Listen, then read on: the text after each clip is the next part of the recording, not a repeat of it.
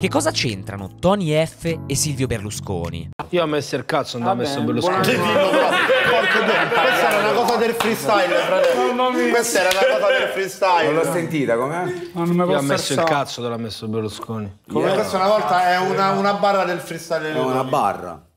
Big bars. Non me lo merito, non me lo merito. Mamma mia, sta puntata voglio vedere che cazzo esce fuori. Takeaway?